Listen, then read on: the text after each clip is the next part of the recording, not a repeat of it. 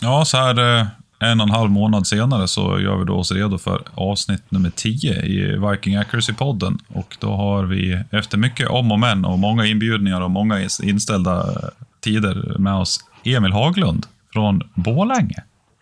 Nej, det har inte lyckats riktigt. Men nu så. Ja, nej, men den som väntar på något gott väntar ju alltid för länge. Så att, eh. Ja, så är det. Ligger mustaschen bra? Ja, du menar din skäggväxt i ansiktet som du aldrig har fått? Exakt den. så är det.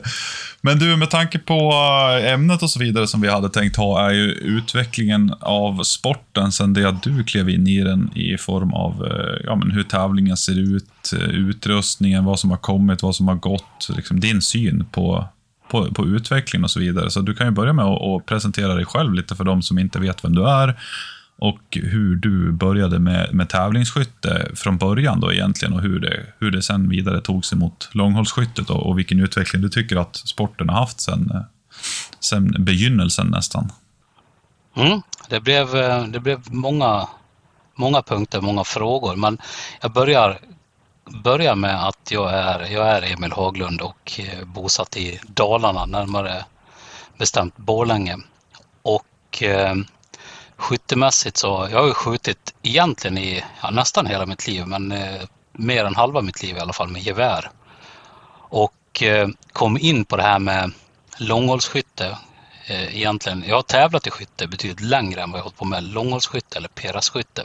Men första gången jag fångades av långhållsskyttet, det var väl egentligen när jag, jag tittade på filmer från eh, Remmene Challenge.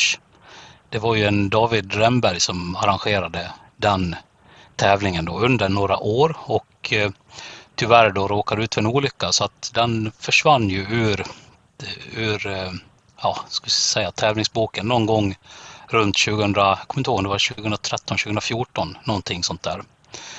Eh, där var det ju ett, ja kanske inte jättemånga som är aktiva idag, men flera som är aktiva idag var ju med och sköt där. Jag var aldrig med själv, men min bössa har varit där som utlåningspuffra till en eh, kille som fick haveri på sitt vapen före. Och den killen, han heter Marcus Lidman och han började arrangera tävlingar i Kristinehamn 2013 eh, och körde, jag tror det var fyra tävlingar totalt och det var min, min första tävling, eh, eller ja, tävling i, i så vi kallar det var inte PRS i sin, sin nuvarande form, men det var på hållet PRS. Det var okända förutsättningar, det var eh, kända avstånd var det och det kör vi ju nu med också. Eh, okända positioner, det var mycket spring, eh, tidspress och sådär. Så det var ju något, något nytt utifrån det man hade hållit på med själv. Och jag fastnade direkt, gjorde jag. Fastnade hårt. Och eh, eh Marcus var ju, han var väldigt duktig att skjuta, jag var ju före mig då i kunskap och sådär, vilket fick mig att eh, drivas framåt. Jag fastnade hårt för sporten och jag drivs av att eh, testa någonting nytt och sen eh, när man fastnar för det och, och, vill då förkovras, bli bättre. Det var för mig, eh, det var startskottet egentligen på min PRS-karriär som sen har lett till också att jag vidare har arrangerat tävlingar. Eh, det var i Kristinehamn som jag träffade Peder och vi sköt sen eh, Peder Westman då som, som eh, driver LD Design och vi sköt ju NM Långhold i Norge under två år. Och det var inför ett NM Långhold så var det skjutning på Stålboda utanför Stockholm, skjutning ut till 1200 meter. Där tror jag, Marcus, att det var vi träffades första gången. 2015, hösten 15, på en lerig åker. Ja, jag, jag vill minnas att vi träffades lite strax innan det, för att det var, jag tror det var andra gången. För jag Så har ett minne av att vi träffades uppe på nya prickskyttebanan där, där det stål, var, då var stålmål i form av hel, halv och kvartsfigurer. Ut till ungefär 900 meter. Och sen följande tillfälle var ju då den den vidrigt leriga åken som man helt plötsligt blev två decimeter högre av att gå på. Ja, du har helt rätt. Det stämmer. Så var det. Eh, det var första gången och eh, då var det, det vi håller på med nu var fortfarande i sin linda då. Kan man väl lugnt säga. Ja, det var ju varken, det, var, det fanns väl egentligen inga inga tävlingar i den bemärkelsen. Det var väl året efter som du gjorde den första Tyfors-tävlingen där? Ja, stämmer. Det vart ju ett, eh, ett vakuum då när Remberg eh, slutade arrangera tävlingar i, på Remmene.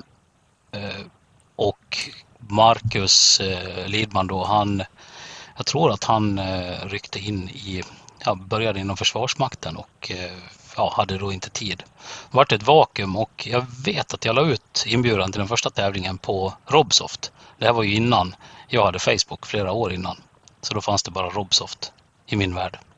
Och eh, vi började med, jag tror det var 30 personer vid första tävlingen. En massa hittepåövningar utifrån att man hade tittat på filmer från USA. USA, där har man ju sökt info på, på Youtube, sökt eh, inspiration och eh, inspiration både till att bygga tävling men också till egen träning. Eh, så det började i Tyfors det vi är inne på nu kan man väl säga började i Tyfors 2016. Eh, sen 2017 då, då hade vi tre tävlingar till. Då var det, du var först ut 2017 med Västerås Stil Challenge. Ja men precis. Det är ju... Och, och eh, sen var det Östhammar 2017 och sen var, nej förlåt, det var, var Haparanda eller Östhammar först? Ja, den, ja. den tvistar ju de lärda om. Um kan vara så att Östhammar var först och sen var det, jag tror det, och sen var det eh, Haparanda därefter. Strunt samma, det var i alla fall under, under 2017 och sen körde vi Tyfors igen då slutet av, eller i början av augusti 2017. Så det var de fyra tävlingarna. Och vad ska vi säga, tyvärr så är det fortsatt, det är de fyra stora tävlingarna som finns i, i Sverige just nu. Ja, det har ju varit lite dålig utveckling. Det var de, de, vi som startade de här tävlingarna, vi var ju alla med på din tävling i Tyfors. Kände ju som något form av... Alltså vi vill ju ha fler tävlingar. Vi tyckte det här var förbannat kul, rent ut sagt. Eh, och då kände vi någon form av, hur, hur, ska vi få skjuta fler tävlingar av det här slaget? Men om vi börjar med att arrangera den själva, så kanske andra hakar på. Och ja. jag tog ju min där i april, eh, året efter då. Eh, jag planerade mig genom vintern lite grann och kom väl upp också där igen. 25-30 skyttar eller något sånt där. Och det var väl där vi låg egentligen, första året. Ja, ja jag tror Haparanda var störst då. De hade fler skyttar. Östhammar var nog på 30-35 kanske någonting sånt, mm. 17. Och, och Tyfors var också något sånt 35-36 tror jag vi hade. Mm. Eh, sen har ju våra tävlingar blivit större. Du, du, har väl haft, eh, du, eller du, men i Västerås eller Östhammar har väl haft flest skyttar tror jag. Haparanda har ofta också haft mycket skyttar. Jag tror jag har haft som mest 78 stycken på plats ja, faktiskt. Ja. Tror jag. Vi är strax under yes. 80. Ja. Eh, och det har gjorts mycket intag runt i Sverige med tävlingar. Det har ju arrangerats eh, eh ett, ett gäng klubbmatcher i San PRS-anda. Där är de ju starka nere i södra delen av Sverige, Sydserien och eh, West Coast Precision Series eller minns inte namnet riktigt. Ja, precis. Som... Sen har du ju Modig och de kör ju väldigt bra i, i Österhaninge där också. Jag försöker ja. klämma in någon i Västerås ibland också, men som sagt, det, det finns ju ett behov av, av fler matcher. Och ja. De fylls ju upp förhållandevis fort och folk är beredda att åka väldigt långt. Ja, det är så.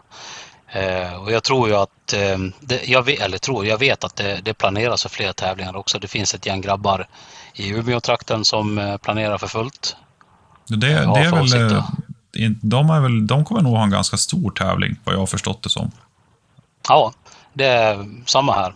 Det, och, och, det är väl tänkt att det ska bli en match eh, i trakterna runt Umeå under 2022. Mm, första, första halvåret. Så att det, det ökar med matcher. Eh, men det jag skulle återkomma till är väl att det gick väl kanske inte så fort som man kunde tro från början. För det gick från en match till fyra på ett år. Men sen eh, stagnerar det lite grann. Men jag tror att vi är på gång framåt nu och det finns, vi är ju, vi bor i ett stort land. Det finns mycket, mycket mark, potentiell mark att arrangera tävlingar på. Och vi har alla olika förutsättningar. Det behöver inte vara skjutavstånd ut på en kilometer och sådär. Din match, eh, du håller dig runt 500 meter som längst. Eh, ändå en väldigt populär match med med mycket deltagare i. Så att det är inte det det hänger på utan jag tror att folk är beredda att, att åka på, på matcher även om de inte, att det inte är tusen meters matcher och, och sådär. Utan eh, jag skulle ju vilja uppmana, uppmana till att arrangera matcher även om man inte har förutsättningar att få till en, alltså långa håll och sådär. Nej, men precis. En match än ingen match. Ja, precis. Nej, men som exempel på den större tävlingen då som vi hade som VM-kval här i somras, då hade vi två stationer på 500. Och sen tror jag att det var tio stationer på 300. Och den tävlingen ja. blev det ju väldigt många deltagare på. Sen hade jag ju även en mindre tävling senare på hösten där vi sköt bara 300 meter. Och där var vi också uppe i runt ett 40-tal skyttar som kom från alla hörn och, i, i Sverige. Liksom. Och det var väldigt uppskattat också, 300 meter och, och åtta stationer. Ja, stämmer. Stämmer. Och eh, det, det, är liksom inte avstånden i, i sig som är, eh, som är ett måste. Eh, det viktiga är, ska jag säga, i grund, om vi kan komma tillbaka lite till tävlingarnas utveckling, så är det ju övningarna, hur man utformar övningarna. Det är det som, som, som jag skulle säga är jag, åker hellre på en 300 meters tävling med bra övningar än en ja, längre hållstävling med, eh, i, i mitt tycke då, dåliga eller onödiga övningar. Sen är det ju såklart, det är jättekul att ställas inför nya saker. Saker man inte har tänkt på själv eller klurat ut. Det är alltid bra. Men i början, och det, det jag, tror, jag tror att både du och jag och eh, Modig och Edholm och, och Johan och Lagnebäck uppe i Haparanda, vi har, har nog ett gäng övningar i boken som vi inte kommer att använda igen. För vi har testat ja. dem. Vi har, vi har testat ganska många och jag vet ju att också till en början, det här, det här är ju ett misstag som jag tänker ta upp, som de flesta som arrangerar en ny tävling gör, och det är att de, de utgår ifrån vad de själva klarar av att skjuta utan tidspress på en bra dag på skjutbanan. På, med kända förutsättningar? Ja, med kända förutsättningar. Alltså på, man utgår från till exempel att ja, det är 300 meter, det är ju skitlätt att träffa en 15-plåt. Vilket det inte är. Nej, det kan, vet, det kan vara, men nej. Det kan, det kan ju vara lätt om du är, är lugn och har all tid och så vidare på det, men det som första året i Västerås, där, där vann ju du med 47 procent träff. Och det är ju någonting som mm. är... Det var ju rent ut sagt ett arrangörshaveri med, med den träffprocenten i dagens mått mätt. En, en vinst ja. ska ju ligga på mellan 85 och 95 procent. Ja, och där, där siktar vi ju idag och där eh, skulle jag säga att alla Eh, alla arrangörerna nu som pysslar på, de, alltså vi har lärt oss mycket och det, det pågår ju en, en dialog också inför tävlingar och sådär med, man rådfrågar varann eh, om, om lämpliga målstorlekar och upplägg och sånt också för att få till så bra tävlingar som möjligt. För man måste komma ihåg också att det är en sak att planera själv i sitt huvud och skriva upp eh, och prata med sin närmaste vän. Eh, men Sen är skarpt läge något annat. Och vi vill ju ändå att alla, det ska vara en tävling för alla. Eh, det ska vara fr från den som vinner till den som, som kommer långt ner i resultatlistan ska ju fortfarande ha en bra upplevelse och tyckt att det var kul och vill fortsätta. Det är ju, det är ju målet. Och gärna tala om för sina kompisar också att det här som jag var på i helgen, det var fan det bästa ever. Vi åker. Ja. På nästa tävling åker vi tillsammans. Ja, och det har ju blivit en trend som har kommit nu sedan i fjol egentligen, som jag tycker att, som jag föll haka på rätt fort. Jag tror, undrar om det var Modig som var en av de tidigare med det, att man har stor och liten plåt på nästan allting. Mm. Och då är det ju ja, hel och det... halvmil som jag kör i Västerås, och så på, eller ja, motsvarande. Jag kör ungefär en 25 och en 15 plåt på 300, och så kör man ett skott på varje. Eller ja, förutsatt att man träffar den stora, så får man skjuta andra skottet på den lilla. Och det gör ju ja. att det blir relativt svårt för, för alla. Det, det, är inte lätt att, att fylla oavsett. Liksom en 15-plåt från en stängselstolpe på 300 meter, det är ju inte bara bara när du kommer in på fjärde positionen efter 60 sekunder. Nej, icke. Nej, och det där är ett, eh, det är ett riktigt smart koncept. Jag snodde det till Tyfors 2021 också. Jag gillar det, verkligen. Det är ett bra koncept. Mm, det, det, gör ju så att fler får, får träff och så vidare. Att det, det, det är det där man har lärt sig genom åren, hur man designar en rolig tävling för alla. Och, och, samtidigt också hur man planerar den utifrån stagetider och så vidare. Så att, för det vi gör nu egentligen, vi kör igenom dubbelt så mycket skyttar på 25% fler stationer på en dag mot vad vi gjorde på två dagar från början. Ja, yes, stämmer. Mm. Eh, jag vill också passa på att vi var inne lite på, på mindre tävlingar, eller vad vi ska kalla det, klubbmatcher och, och liknande. Allt från, från klubbmatcher med åtta deltagare och till större arrangemang så finns det ju ett gäng eldsjälar i det här också. Jag vill passa på att nämna Micke Andersson som arrangerar tävlingar eh, och kurser framför allt eh, utanför Rättvik. Mickes kurser, de, eh, de är extremt viktiga för sporten. Det, det är ja. högt deltagarantal, han, han trycker igenom väldigt många människor vid ett tillfälle. Den håller en god kvalitet och alla får liksom med sig grunderna eh, ja, för att kunna komma och, till eh, match och ha kul. Ja, och det är många, många nya skyttar som har varit med på tävlingar nu runt om i Sverige som har varit på kurser eh, hos Micke och hos andra. Det finns fler som arrangerar kurser också. Eller bara, behöver inte ens vara en kurs utan mer en testa på-dag. Där man får prova och, och, se så att man har, får en liten, ett litet hum om vad som komma skall på en tävling. Och så. För jag tror, många, jag tror att det är många som, som har grejer, man har köpt sig grejer som är fullt eh, tillräckligt bra för att fara och tävla med. Om man vill åka och tävla men det finns en, en oro eller en rädsla för att man inte, ja, att man inte ska vara tillräckligt bra helt enkelt. Men jag kan ju säga det att det, det, finns, det finns ingen som går och håller koll på om folk är tillräckligt bra eller inte, utan det den enda som kommer att döma dig för att du inte är tillräckligt bra, det är dig själv i så fall. Och förhoppningsvis så blir resultatet av det att du vill, du vill förkovra dig. Bli bättre. Ja, det, det enda folk håller koll på det är egentligen att du är trevlig och har säker vapenhantering. Ja, det är det viktigaste. Eh, beter man sig Absolut. illa och, och, och dålig sportsmansanda, som man kan kalla det, och man, man svär och, och är förbannad över sin prestation, då, då tittar ju folk lite snett på en. Ja, det att, eh, absolut. Att, eh, och, man ska vara glad, glad, god och glad, liksom, och sen så säker vapenhantering. Då, då har man ju kommit hela vägen. Alltså man, man är ödmjuk. De flesta som är på tävling, jag skulle säga i stort sett allihopa som har hållit på ett tag, kommer man till sin första tävling och identifiera någon som du tycker ser riktigt erfaren ut och sen fråga bara, men hur skulle du göra här? Vad, vad skulle du mm. använda här? För den diskussionen pågår ju hela tiden, även bland oss som har skjutit i ett par år nu. Jag ska säga säkert, det måste ju uppemot en fem sex år vi har hållit på med, några stycken av oss nu. På, I någon ja, form eller annan. Och vi har ju en kontinuerlig dialog om hur man ska tackla en, en station på bästa sätt. Då. Ja, oh ja, oh ja. Eh, riktigt. Och, och, man, man lär sig, alla kan lära sig något av någon. Eh, och vi har ju också anammat konceptet med att ha, så vi kallar det för mentorer, där man, man gör inte bara en grupp med, med nybörjare utan man sätter alltid, försöker alltid sätta ihop nya skyttar med mer erfarna skyttar så att man kan hjälpa varann. Så man slipper komma dit och inte vet någonting hur man ska göra. Eller ja, man kommer dit och vet inte hur man ska göra, men man får hjälp med det. Ja, precis. Men det där som du sa också när man köper utrustning, det där, just utrustningsbiten är ju någonting som har haft en ganska lång resa från början. För jag vet när vi började, då, det var ingen som visste vad begreppet game changer var för någonting ens. Eh, Nej, utan, jag tror inte ens den, den fanns. Den skulle man ha uppfunnit då. Ja, den kom väl i samma veva som vi började. Man började se att den ja. fanns på, på YouTube, någon, någon påse som var sydd som två trianglar som satt ihop och man tyckte, vad fan är det där?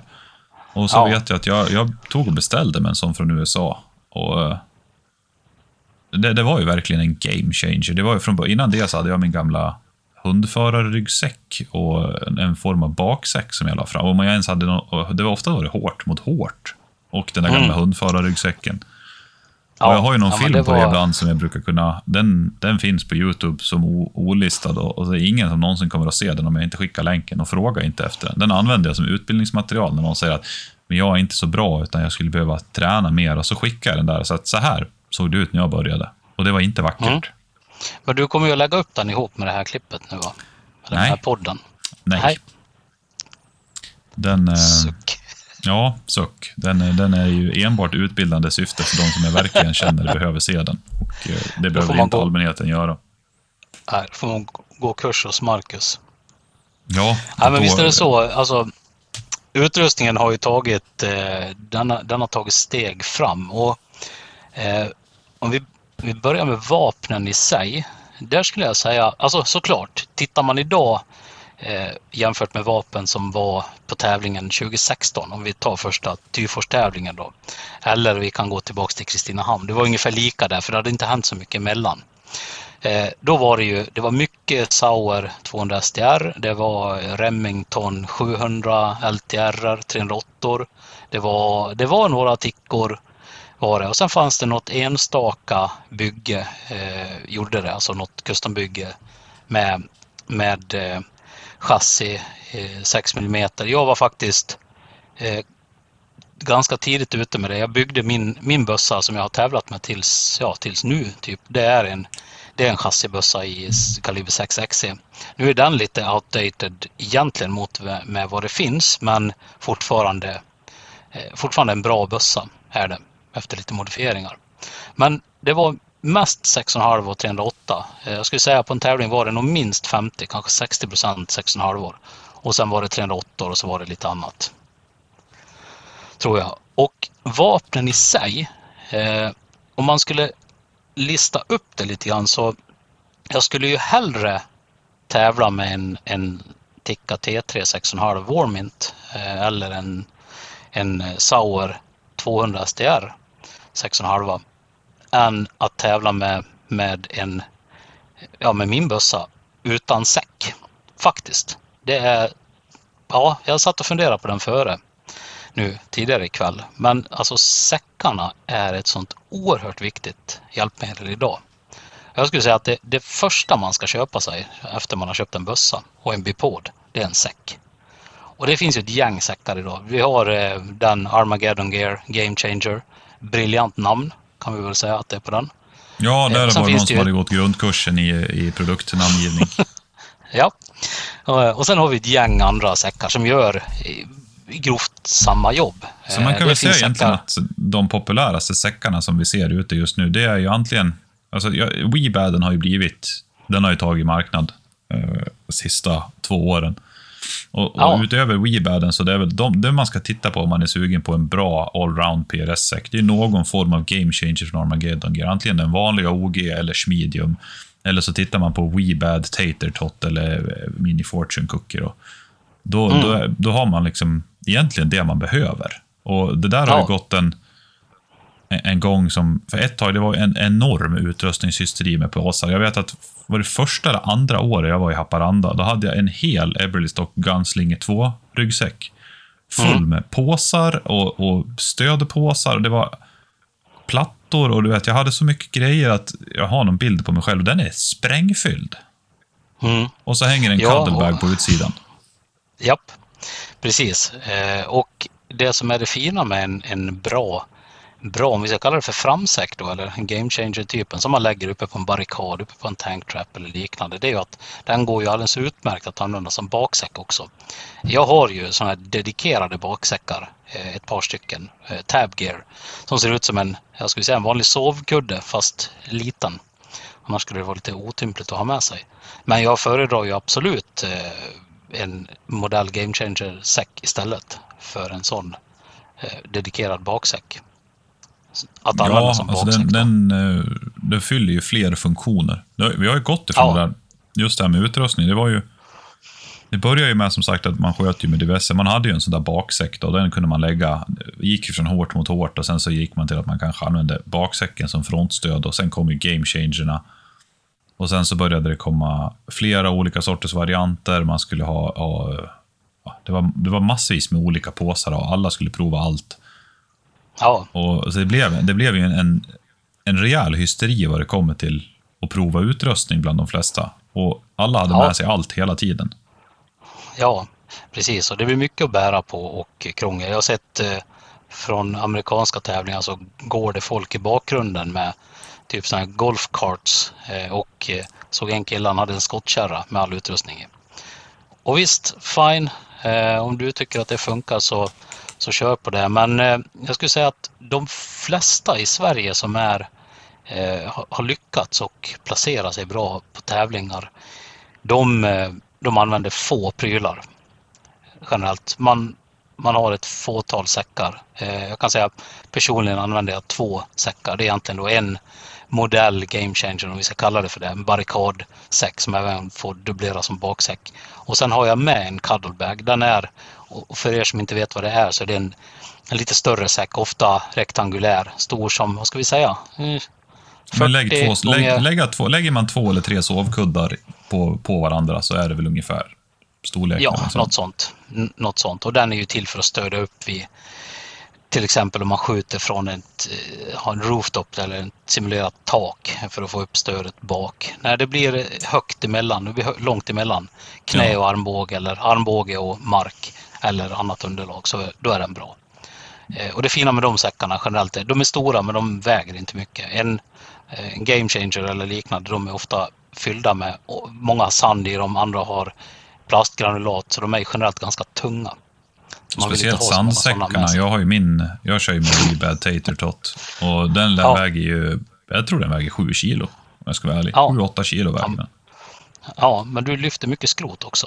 Ja, alltså jag kutar ju på gymmet och, och håller på med det här med som heter marklyft, eh, knäböj och bänkpress i någon form av amatörmässig utsträckning. Och det har ju, alltså, man ska inte underskatta fysisk alltså, styrka i att kuta. För jag menar, en, en 7-8 kilos tater tot, den är, det är bland det stabilaste jag har testat. Alltså, man kan kasta den på vad fan som helst och det är som att bara... Det är helt otroligt vad stabilt det är. Mm. Ja, Men det, det, det är, också lite jobbig att kasta runt en hel dag. Så, att... så är det, i kombination med en bössa som väger kanske 8-10 kilo också.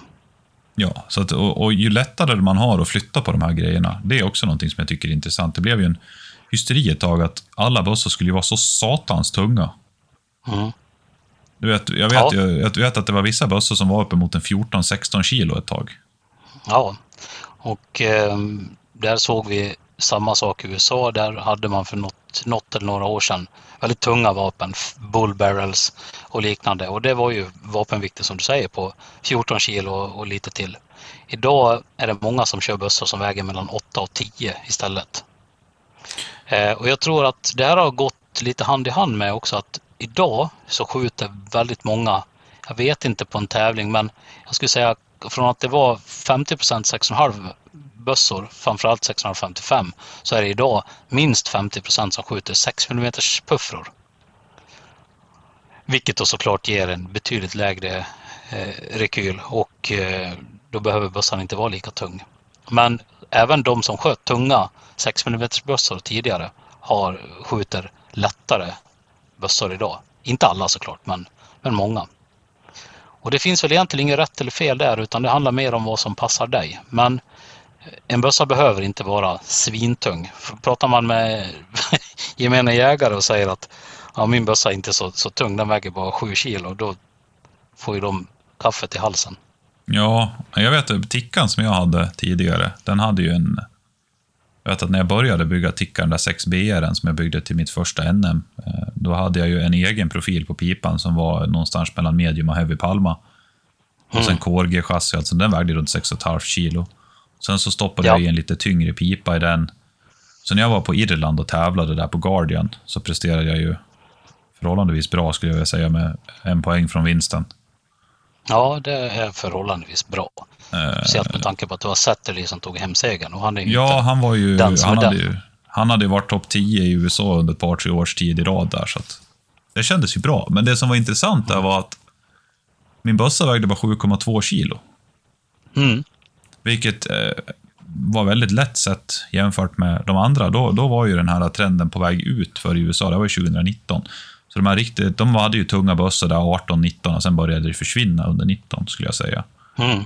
Ja. Men då såg man ju att väldigt många sköt fullviktade MDT-chassin och en HV-profil och då låg, ligger man runt en 14-15 kilo med alla vikter. Mm.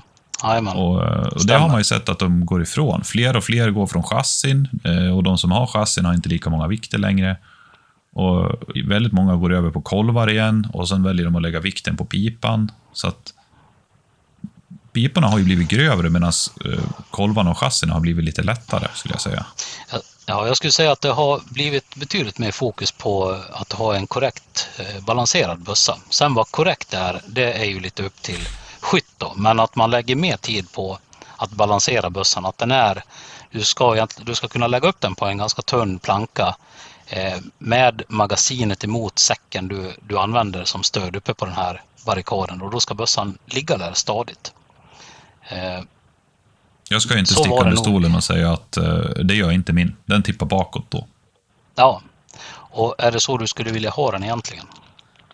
Alltså jag skjuter ju bra med den så. Jag tycker att den är lätt att styra och så. så jag, jag har ju beställt en sån här Anarchy Rail som det heter. Man byter ut arkaskenan i järnköttsrailen där då mot en liten mässingsklump då istället som man kan mm. flytta längst fram. För jag tycker inte om att ha mitt...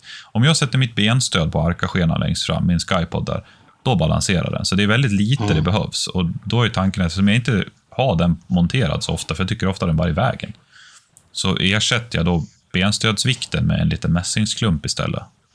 Yes. Och då balanserar ja. den. Så det är så jag vill ha den egentligen. Ja, jag har haft eh, precis lika på mitt, eh, mitt vapen också. Att den, den är aningen baktung och det, det går att skjuta bra med det också. Men det är inte riktigt så jag vill ha det egentligen. Så att nu framåt kommer det inte att vara så. Eh, om jag tar en liten snabb recap på, på vapen och utrustning då och nu så vapnen i sig, ja, de, har, de har absolut förändrats. Framförallt har det gått mot grannare kalibrar som har minst eh, lika bra ballistik till, till en betydligt lägre rekyl. Så kalibervalet i sig, det är en en utveckling vi har sett. Eh, säckar framför allt, det, det har vi sett en oerhörd utveckling på och Eh, på gott och ont, som du var inne på, det, det har varit väldigt mycket säckar i omlopp. Jag tror inte vi är färdiga riktigt med, med säckar och utvecklingen där, absolut inte. Men jag tror att säckarna som är idag är eh, de skiljer sig betydligt mer åt mot de säckar som fanns för fyra år sedan jämfört med de säckar som kommer att finnas om fyra år. Så jag tror vi har sett en stagnation i utvecklingen där. Men det kommer att komma säckar än som är bättre och, och, smartare designade än det som finns. Men just säckarna har gett oerhört mycket i, i träff, antal träff eh, för, för skyttarna. Eh, vi har eh, bromsar. Bromsar har ju kommit till en större... Det är jättemånga som skjuter broms idag. Tidigare så var det Eh, vissa sköt broms, eh, många sköt ljuddämpare och många sköt eh, ren pipa. Ingen broms. Och, och det där är ju också, idag finns det ju bromsar som är superfina och väldigt effektiva. Dels på att dämpa rekylen i sig men också mildra uppslag så att du inte hamnar ovanför målet i smällen, framförallt i ostadiga positioner. Eh, ska väl dock, vi ska dock nämna att skjuter man broms nästan oavsett vilken broms man använder så ska man ha dubbla hörselskydd. Propp och kåpa.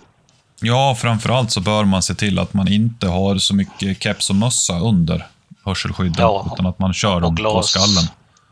Ja, jankarna är ju duktiga på att köra solglasögon och allt.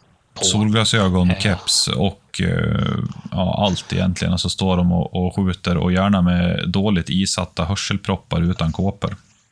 Ja, ja det, det är inte bra för det, det är, det smäller som tusan gör det, även om man skjuter 6 mm patroner. Så um, propp och kåpa.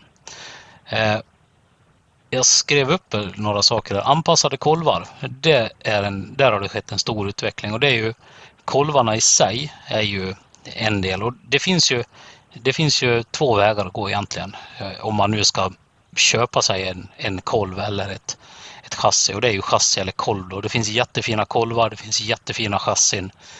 Eh, ett gäng märken. Vi har väl senast ut nu på, på svenska marknaden är ju Spurs chassin. Eh, alldeles nyutvecklat och på väg eh, att lanseras. Ja, den ser All riktigt... Den, den, är, den är kul att se faktiskt. Fabian hade fått en häromdagen som han tyckte att, han tyckte att den var extremt välgjord. Ja, ja välgjorda och, och de jag pratar med som har skjutit med dem säger att de, är, ja, de, de känns riktigt bra. Så det är en, en, eh, en väg framåt. Vad, man, vad som är rätt eller fel, det finns inget rätt eller fel utan det är mer vad man, vad man tycker själv, vad man gillar jag vet skyttar som, som inte gillar chassi för man, man tycker att det blir en konstig resonans i dem och så när man skjuter och eh, andra som, jag personligen skjuter ju chassi och jag, jag gillar chassi. Jag, jag känner inte av det som andra beskriver. Men eh, det finns inget rätt eller fel utan där ska man ju gå på det man testar kamraters bössor på tävlingar. Det är ju inte alls ovanligt att efter avslutad tävling så, så får folk provskjuta, titta, provskjuta kikare, provskjuta bössor, känna på, på kolvar och sådär Eh, för att testa. Så det är också en fördel med att fara på tävlingar. Kolla på grejer och testa grejer. Utbyta erfarenheter. Eh, magasin har vi inte pratat om så mycket. Går, tittar vi på, på tickor, eh, då är det ju låst till med original då, femskottare, eh, Sauer, samma sak där, femskottare. Sen går det ju att fixa det med eftermarknadsmagasin med lite större kapacitet eller plusbottnar och sådär. Men i stort sett, ja, i stort sett alla kan vi väl säga som bygger, bygger bössor. Det är ju oftast, oftast på Remington 700 eh, då. Inte 700 som är ifrån Remington, utan ett, ett lås som är byggt på den eh, underdelen så att man har samma footprint. Då. Ja, den modellen. Eh, där är det ju alltid, och, och då kör man ju underbeslag då, som tar ICS eller AV-magasin och då, har du ju, då kan du ju fritt välja från, ja, från, jag tror det finns tre skottsmagasin, fem skott är väl det minsta jag sett och sen är det ju uppåt till 14-15 skott. Och magasin, vad skulle du säga Marcus, är det, är det dödsviktigt att ha 10 skotts eller mer kapacitet i dina magasin? Nej, jag gjorde ju en video om det häromdagen faktiskt. Ja, det gjorde du ju. Just det, den såg jag till och med. Ja, det är så lite intressant att du lyfter det. Ja, alltså det, är ju, det är ju en fördel om man siktar på att komma i toppen. Att man kan lägga de där extra sekunderna, om det nu behövs, på en, en bra position och ett skott. Sådär. Men jag skulle säga att ett magasinbyte i värsta fall får det att inte kunna ta ett extra skott på en station. Ja, precis. Eh, och, jag håller med dig där. Det är inte riktigt sådär jätteviktigt, utan det, säg att du har tio skottstation. Då planerar du in så att du, du vet liksom att här ska jag göra mitt magasinbyte, oftast i en förflyttning av något slag. Så, så släpper du bara det med magasinspärren. Magasinet kommer åka i backen, men de är gjorda i plåt och faller det rakt ner så träffar det inte på läpparna, utan det kommer träffa på, på underdelen. Och eh, så stoppar du i ett nytt magasin och det, det tar dig några sekunder. Eh, så det är inte alls dödsviktigt för att kunna prestera bra på en tävling. Det, man ser, jag tycker man ser varje år, ett, ett typexempel på det där är Erik Allatalo, som fortfarande skjuter med sin Sauer 6,55 i en, i en patrolkorv då, med femskottsmagasin. Och kontinuerligt vart han än åker är liksom antingen topp 15 eller topp 10. Mm. Ja, han är, han är otroligt duktig och skicklig med det han har. Eh, och jag vill, jag vill komma in på det lite grann också, för nu är det inte alla som lyssnar på det här som känner mig, men, men för de som känner mig eh, lite djupare, de vet att jag inte byter grejer i, i onödan, utan jag har varit, och det är ju en kombination av dels att jag kanske att jag är lite gammal, eh, men sen att allt kostar ju pengar. Men då kan vi lyfta det på en gång, Emil. Du som fortfarande, förmodligen av oss alla som skjuter, får visa lägg mest på Systembolaget. Hur gammal är du egentligen? 44, men fyller 45 i år. Ja, du ser, du ser. Och du visar ju då lägget på Systembolaget oftare än vad jag gör som 30, vad är jag, 32, 33-åring. Ja, kan hända, kan hända. Jag tar det, jag tar det som en komplimang, Marcus. Mm. Men nu är du gift, och jag med. Ja, ja. ja, men hur som. Eh, grejer kostar ju, det kostar pengar och eh, i min värld så kostar det också tid att byta grejer. Så att min rekommendation till alla som lyssnar nu och som eh, står inför kanske att köpa upp sig på en, en utrustning och börja från noll eller har en utrustning men funderar på att byta saker. Det är ju att man ska inte acceptera dåliga saker som inte fungerar eller som man direkt inte trivs med. Där man känner direkt att när jag får prova polarens eh, benstöd eller polarens kikarsikte eller, eller säck eller vad det nu kan vara så då, då känns det mycket bättre. Den här, jag trivs bättre med det här. Byt då, absolut. Det, det ska man göra. Men jag tror, det har ingen fakta på det, men jag tror att många också byter grejer för att man man tittar på, på Youtube och man läser saker och det någon skriver att det här var svinbra och sådär och så byter man för att någon annan tycker det. Och det behöver inte vara fel om det du byter ut inte är eh, up to spec eller up to standard, det du behöver. Eh, men framförallt att man inte trivs med det själv eller känner att det här, det här strular alltid för mig eller det här känns inte bra. Då ska man byta. Men när man har pysslat ihop en hyfsad utrustning, då, då gäller det att träna med den. Träna med det man ska tävla med. Och det har jag, jag har köpt det konceptet eh, inte alltid stenhårt, men generellt om jag åker till skjutbanan och ska träna, då har jag med mig det saker jag har med på en tävling också. Så att jag tränar med det jag ska tävla med. Jag, håller, jag undviker att testa nya saker på tävling. Det finns de som har gjort det och det går sällan så där jättebra. Ska jag tävla med någonting då ska jag ha tränat med det i förväg också. Eh, och för att bara ett exempel på hur konservativ jag är med grejer så har jag, jag skjuter fortfarande med en Harris Bipod.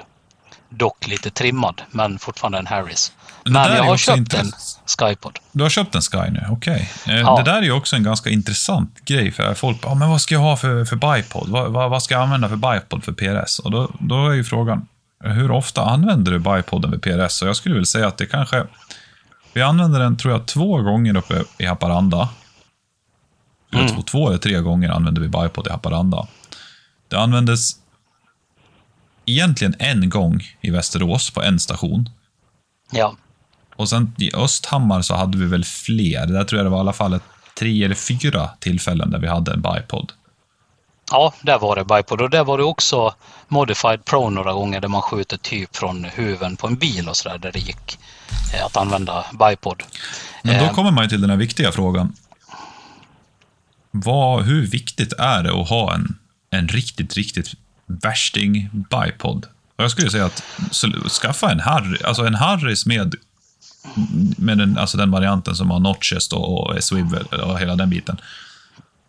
Den gör egentligen allt man vill. Resten ja, är bara man... någonting man kan jaga några enstaka poäng med på riktigt otrevliga ställen.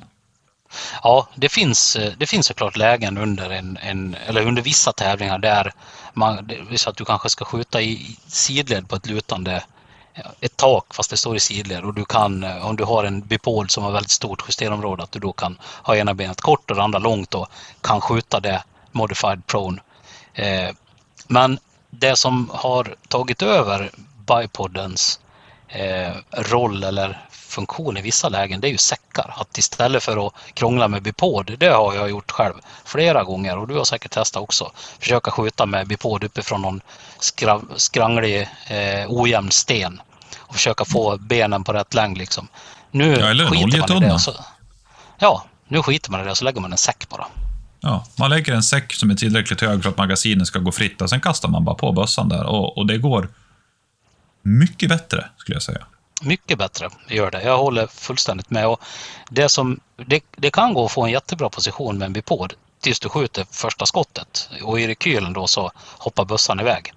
Och jag har sett det själv att bössan nästan halkar ner från en sten eller så. Så får man göra om allting igen. Tappar oerhört med tid. Så säckar är, är bra och ersätter bipoder till mångt och mycket. Och jag, jag säger inte att en Harris är, är det bästa, men en Harris är absolut ett, ett fullgott, eh, ja, en fullgod bipod att, att börja med och köra med. Nu har jag köpt, som jag sa, jag köpte en Skypod. Titta på den nu utanför bild. Eh, jag fick den till ett bra pris, begagnad. Eh, så pass att jag kan, kan testa den och skulle jag inte gilla den så då kan jag sälja den vidare bara. För jag var nyfiken, jag ville testa och se. Jag har kollat på Youtube vet du. Ja, jo, och läst på, jag, läst på, på nätet. Har du läst på forat? Jag har läst på forat att det var bra. Nej, jag ville testa. Jag har haft den här, jag, och den här Harrison har jag haft eh, innan jag började med PRS-skytte. Så det är liksom från början en jakt. Jag hade den för jakt från början. Men, det var så jag eh, började med min Harris också. Jag köpte den här mellanlånga Harrisen. Eh, och sen har jag trimmat den lite grann också med Grey Ops benadaptrar och arkaplattor och så vidare. Men jag gjorde ju det. Jag, jag följer lite för den här hypen. Jag hade ju en Skypod förut och sen så sålde jag mm. den till Louis Philippe. Då. Och så kände jag att jag körde med Warn Skyline benstöd. Jag kände bara, fan det här gör precis allting jag vill att ett benstöd ska göra. Och det jag då hade glömt av mitt i allting var att när jag sålde det här benstödet till Louis Philippe, så hade jag gått och bokat ett double pull Skypod. Jaha. Eh, av min goda vän Fredrik Stjärnelund på SCR. Och sen glömde jag bort att det var bokat. Och sen hör han av sig typ ett år senare och bara “Tja, du, din Skypod har kommit”. Jag bara “Min vad?” “Ja, din double pull som du beställde”. Och så sitter jag där och bara “Ja, fast jag har ju precis intalat mig själv i lite över ett halvår nu då, att jag inte behöver en sån. Men då Men då fick vill du jag gå inte ut och läsa på forat. Ja, jag fick ju gå och läsa om hur bra de är igen så jag skulle motivera mig själv. Nej, men jag, jag fick ju lite dåligt samvete så jag åkte och, och, och kvitterade ut den där. Då. Eh, och skrattade lite till Fredrik där och sa att ja, det här var ju inte riktigt planerat. Men eh, jag gav den en, en chans och så tyckte jag att nej, men det finns ju fördelar med en Skypod, helt klart. Speciellt som du säger, jag, jag har tagit ett gäng poäng på, på att ha en sån. Eh, nu körde jag med Skylinen där, den, den använde jag i, i Östhammar när jag fick tredjeplatsen. Så att den, jag gjorde ju allt jag behövde där. Men på lite mindre klubbmatcher när man har skjutit från sneda tak från sidan så där och så vidare, så har den ju gett mig några poäng. Så jag ångrar ju inte att jag glömde bort att boka av den, om vi säger så. Nej, Nej och det är alltså Skypoden är en, det är en jättefin podd eh, utan tvekan. Sen kan, jag skulle inte, jag köper ju hellre, om man, beroende på hur mycket, vad man har för budget så är det mer, mer värt att köpa en, en Harris för, och en kittad Harris för, vi säger 2 500 då, det blir totalt när du har kittat upp den, mot vad kostar en double pull Skypod? Ja, det är väl en, ja, Jätte- ja, ja, ja, något sånt. Det är för dyrt. Jag, jag har förträngt det. Så att, så att eh, de, är, de är dyrare. Sen beror det på, har man, har man pengarna så absolut, kör. Men eh, återigen, jag, jag vill komma tillbaka till att man, det finns, fin, finns egentligen inget rätt eller fel när det kommer till grejer, utan Ehm, det finns mycket kunskap på, på forum, det finns mycket kunskap ute på, på tävlingar där man kan fråga om saker och ting så man slipper köpa fel från början. Men man måste ju köpa någonting att börja med och så gör man det och sen testar man och tränar med det och vartefter man, man testar och tränar och framförallt eh, far på tävlingar så kommer man upptäcka brister i sin utrustning. Man kommer upptäcka brister hos sig själv framförallt skulle jag säga. Eh, och då ska man inte byta ut allting utan byt, byt eh, så få saker som möjligt eh, åt gången i alla fall. Sen är det nog få personer som har samma saker som de hade 2016 på en tävling. Eh, Det, har de, det är nog inte så mycket av det som är kvar idag. Eh, Men jag tror att den som åker på sin första tävling 2021 eller 2022 eh, kanske kommer att ha mer av sina saker kvar eh, 2026 i jämförelse. Ja, utvecklingen har ju gått extremt fort framåt, men som du sa tidigare, det känns som att det mesta har liksom stagnerat lite grann. Det, det känns som att vi har Ja. kommit till en, en, bra, en bra nivå där utvecklingen går lite långsammare. Mm.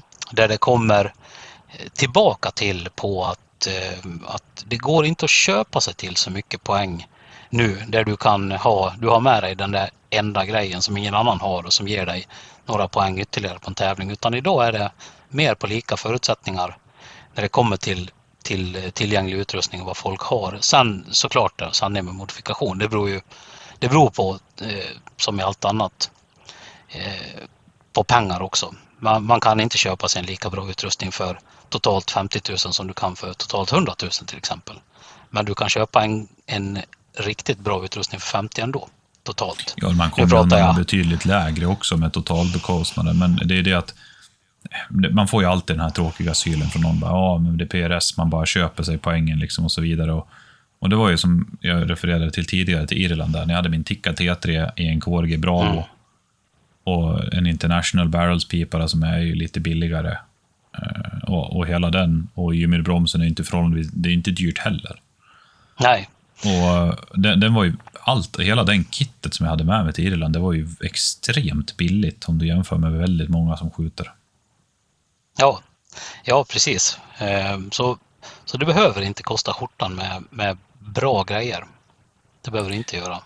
Men det är samtidigt, Och så jag- det, det, är, det är nice. Jag menar, du har ju hållit på att bygga klart eh, sista aspekten nu på en ny bössa. Och det, det, det ger ju lite extra feeling och, och ha det där bättre. Liksom. Det märkte jag när jag köpte min Impact och vidare. igen. Jag kan inte sä- säga att så här många extra poäng har jag fått på grund av att jag har en full custom. Liksom. Men man, man, man har ju lite mer marginalen på sin sida. Men det är inte så att jag är i, i att jag helt plötsligt ska ha tagit mig från topp 30 till topp 10 för att jag byggt en bössa, utan det är ju snarare att man kanske på den där enstaka matchen när tickan kanske hade inte räckt till balansmässigt eller någonting, så, så fick man en eller två extra poäng. Ja. ja, sen ska man ju inte sticka under stolen med att det är kul med grejer. Det är kul med saker och det här är, det här är mitt intresse, det är det jag håller på med. Eh, och det är ju inte så att jag tar sms-lån för att köpa en grej utan har jag inte råd att köpa den nu, ja, då får jag spara två månader till och så köper jag det jag verkligen vill ha och tror mig behöva sen. Ja, vi är ju liksom ing, det är väldigt få av oss som är förmögna män som håller på med det här. Skulle Nej, säga det... att, jag skulle vilja säga att i stort sett allihopa som jag känner som håller på är toppskyttar, vi knegar hela bunten. Ja, jo men så är det. det. Det är, och jag tror, alltså det är vardagen för de flesta där man ändå inte kan köpa precis allt man, vad man eh, egentligen skulle önska, utan man får välja och prioritera. Och jag tror det är sunt också. Ja, alltså helt klart. Eh, men som sagt, man, man kommer ju rätt långt med, med den utrustningen man, som man kan börja, med. som enkelt. Liksom. En påse, en bössa, en 6.0 Creedmoor eller någon vanlig 6 mm. Det, det, är också en sak som, som har förändrats sedan 2015, som, som jag var lite av en pionjär på i början. Det var heta laddningar. Ja, det... Jag, jag skulle och, nästan och... säga att jag, var, jag måste ha varit Norden, Nordenmästare i heta laddningar ett tag. Ja, och, ja, och jag tycker att det är bra att du har backat därifrån. Ja, det är ju, det är för alla i min omgivning säkerhet främst. Ja, jo men visst är det så. Och, och, eh, man kan, jag var likadan själv längre tillbaka, man tittade sig blind på utgångshastighet och BC och dropp ut på olika avstånd. Och jag ska säga så här, lite längre tillbaka, alltså under NM till exempel, där var det ju väldigt mycket okända avstånd och eh, skjuter du okända avstånd, framförallt när det blir okända avstånd förbi 600 meter utåt 1000, kanske 1200 meter. Ja, men då, då gör ju 20-30 meter i sekunden, det gör sitt till på, på droppet och du får, du får lite mer marginal. Men som tävlingarna är utformade idag så är det väldigt, väldigt få okända avstånd och då om, om det är ett dropp, om du har ett dropp på, på 8,2 eller 9,5 eller 7,6 ut till, till 1000 meter. Det spelar ingen roll, det är bara att klicka. Det, du har ju en tabell. Klickar det står i tabellen så är det ju rätt. Om du har verifierat det med, med farten och sådär och BC. Eh, vinden såklart. Eh, har du högre utgångshastighet med, med en given kula i högre hastighet desto mindre vindavdrift. Men det är ju inte så att du, du förändrar det något marginellt eh, eller något eh, ordentligt på, på 20-30 meter hit eller dit. Så det är betydligt bättre att ligga i en safe fart. Eh, du skjuter BR. Eh, en BR är ju, vill ju, skjuter du 105 grains kulor så man får ju se den som en, alltså mycket över 850 ska du egentligen inte ligga, även om det går att ligga högre, eller hur? Ja, som sagt det där med heta laddningar, eh, för alla som inte har hört den historien. Så när jag sköt mitt första NM i långhåll där, så laddade jag 105 hybrider i en 6 BR till 925 meter i sekunden. Ja, och det är lite åt det heta hållet till. Jag eh, lämnade alla mina hylsor på berget eh, och sen så var det någon som plockade upp dem på våren och tyckte att nej men, här ligger det typ 200 6BR-hylsor. De ska jag försöka Lappa. sälja. Uh, mm. Nej, det var Norma till och med. Nej, eller om det var Lappa, ja. jag kommer inte ihåg. Och Så kom de upp på ett norskt forum. Eh, säljes 200 stycken hylsor. Eh, okänt antal gånger skjutna. Och så visste jag att men, det där är nog mina. Så drog jag ett litet meddelande till skytten och bad han kolla tänddatsläget innan han sålde dem. Sen försvann den annonsen. ja, jag förstår det. Eh, nej, så, så just där att det är bättre att ligga, ligga safe i, i laddningen och ganska mycket safe. Alltså om vi säger att du har en patron som maxar ut på, på eh, 900 säger vi med en, en given kulvikt och ett visst krut så är det absolut värt att ligga kanske på, på ja, 850 till 870 eh, i fart. Och BR då som är en, en 850 patron med 105 år, lite till kanske 860. Eh, Där ligger ju många och skjuter i, ja, vad ligger du själv på Marcus? 100, 800? Jag, ligger med, jag skulle säga att med, med en 105 i BR och 150 krut så skulle jag säga att den, den toppar nog ut runt en 860-870. Sen är det verkligen stopp. Mm. Eh, jag ligger och kör mina 110 grains A-tip i 825. Mm. Och Yes. det är ju 29,4 grain 150 där och sen när jag kör 105 då laddar jag med runt 28 grain då och gör de, ligger de, så att de ligger i ungefär samma fart. Det Ja. finns ju eh, potential upp, som du säger, runt 860, kanske lite över. Men eh, Mm. jag ligger runt en 30-40 meter under vad som skulle klassas som ett närmare en maxladdning. Och inne 6XC då som, som kanske liksom en, en bra maxladdning ligger runt 9.30 skulle jag vilja säga, kanske 9.50. Mm. Så, kan man, så får man ju leta efter en, en god precision någonstans. Jag skulle säga, ja, det där är ju du, du den okrönta kungen på 6X vid det här laget, men att man får räkna med att man kanske hittar en precision någonstans mellan 850 och 870. Ja, eh, och det går alldeles utmärkt. Eh, Jag skulle säga oftast eh, lite för allround om man, man kanske ska skjuta lite fält och, och annat. Så någonstans där mellan, mellan 850 och 890, där är det en lämplig fart att ligga på. Eh, Ska man skjuta utpräglat som sommarträffen till exempel, där det är eh, ganska långa skotthåll eh, och också väldigt mycket okända avstånd. Där, eh, när jag har skjutit den, så då har jag skjutit i, i högre fart med flit då, för att få lite mer marginal. Men det är enda gången. Eh, tidigare låg jag alltid och sköt i ja, 920, 930 och lite till. Eh, nu ligger jag aldrig över 900. Nej, och. Västerås-tävlingen till exempel, där, vi, där man vet att det maxar ut på 500 meter, ja, men där, där har jag en, en 850-laddning. Jag skjuter 855. Och risken är ju att om, om du har, många vill ju, att man, vill, vill ju skjuta runt 820 med en 6 mm, så det är ganska svårt om man har till exempel en 6 Creedmoor eller en 6 XC, för man får en ganska dålig fyllnadsgrad, vilket ger oftast risken av en väldigt dålig precision. Ja, kan, kan Det, för, det, det, Eh, för vissa kommer det funka utmärkt, då, men det, det, det blir en, det är en betydligt högre risk att den inte, bössan inte skjuter om man laddar för lite. Nej, det är lite åtta. Det, det går såklart att ladda ner på de farterna, men, men just XC'n är en och, och Creeden, det är egentligen för stora hylsor för den farten. Eh, utan man får se det som 850 och uppåt. Det går att skjuta lägre, det gör det absolut. Men 850 uppåt, sen, sen funkar de bra. Precis, det är lite som, jag, jag har skjutit min BRI, jag har gått ner på 780 och sen så börjar man få lite, börjar den bli lite mysko sådär. De kan bli lite lynniga, man kan få ojämna utgångshastigheter och, och annat eh, på grund av den låga fyllnadsgraden. Då. Men eh, det, det kan funka alldeles utmärkt ändå, mycket beroende på vilket krut man väljer. Precis. Ska vi, ska vi ta en liten en kort paus här nu och sen så eh, tackar vi för del ett och sen tycker jag att vi kan göra en liten kortis om utvecklingen av ELR-skyttet i landet som del två. Eh, som vi kan, Mm. eh, kan få alla hållas lite grann en vecka eller så och vänta på att lyssna på det. Det kan vi göra, absolut. Då eh, tar vi lite vatten och sen så drar vi igång den om en minut eller två. Yes. Hej. Hej så länge allihopa och eh, då får ni vänta en vecka.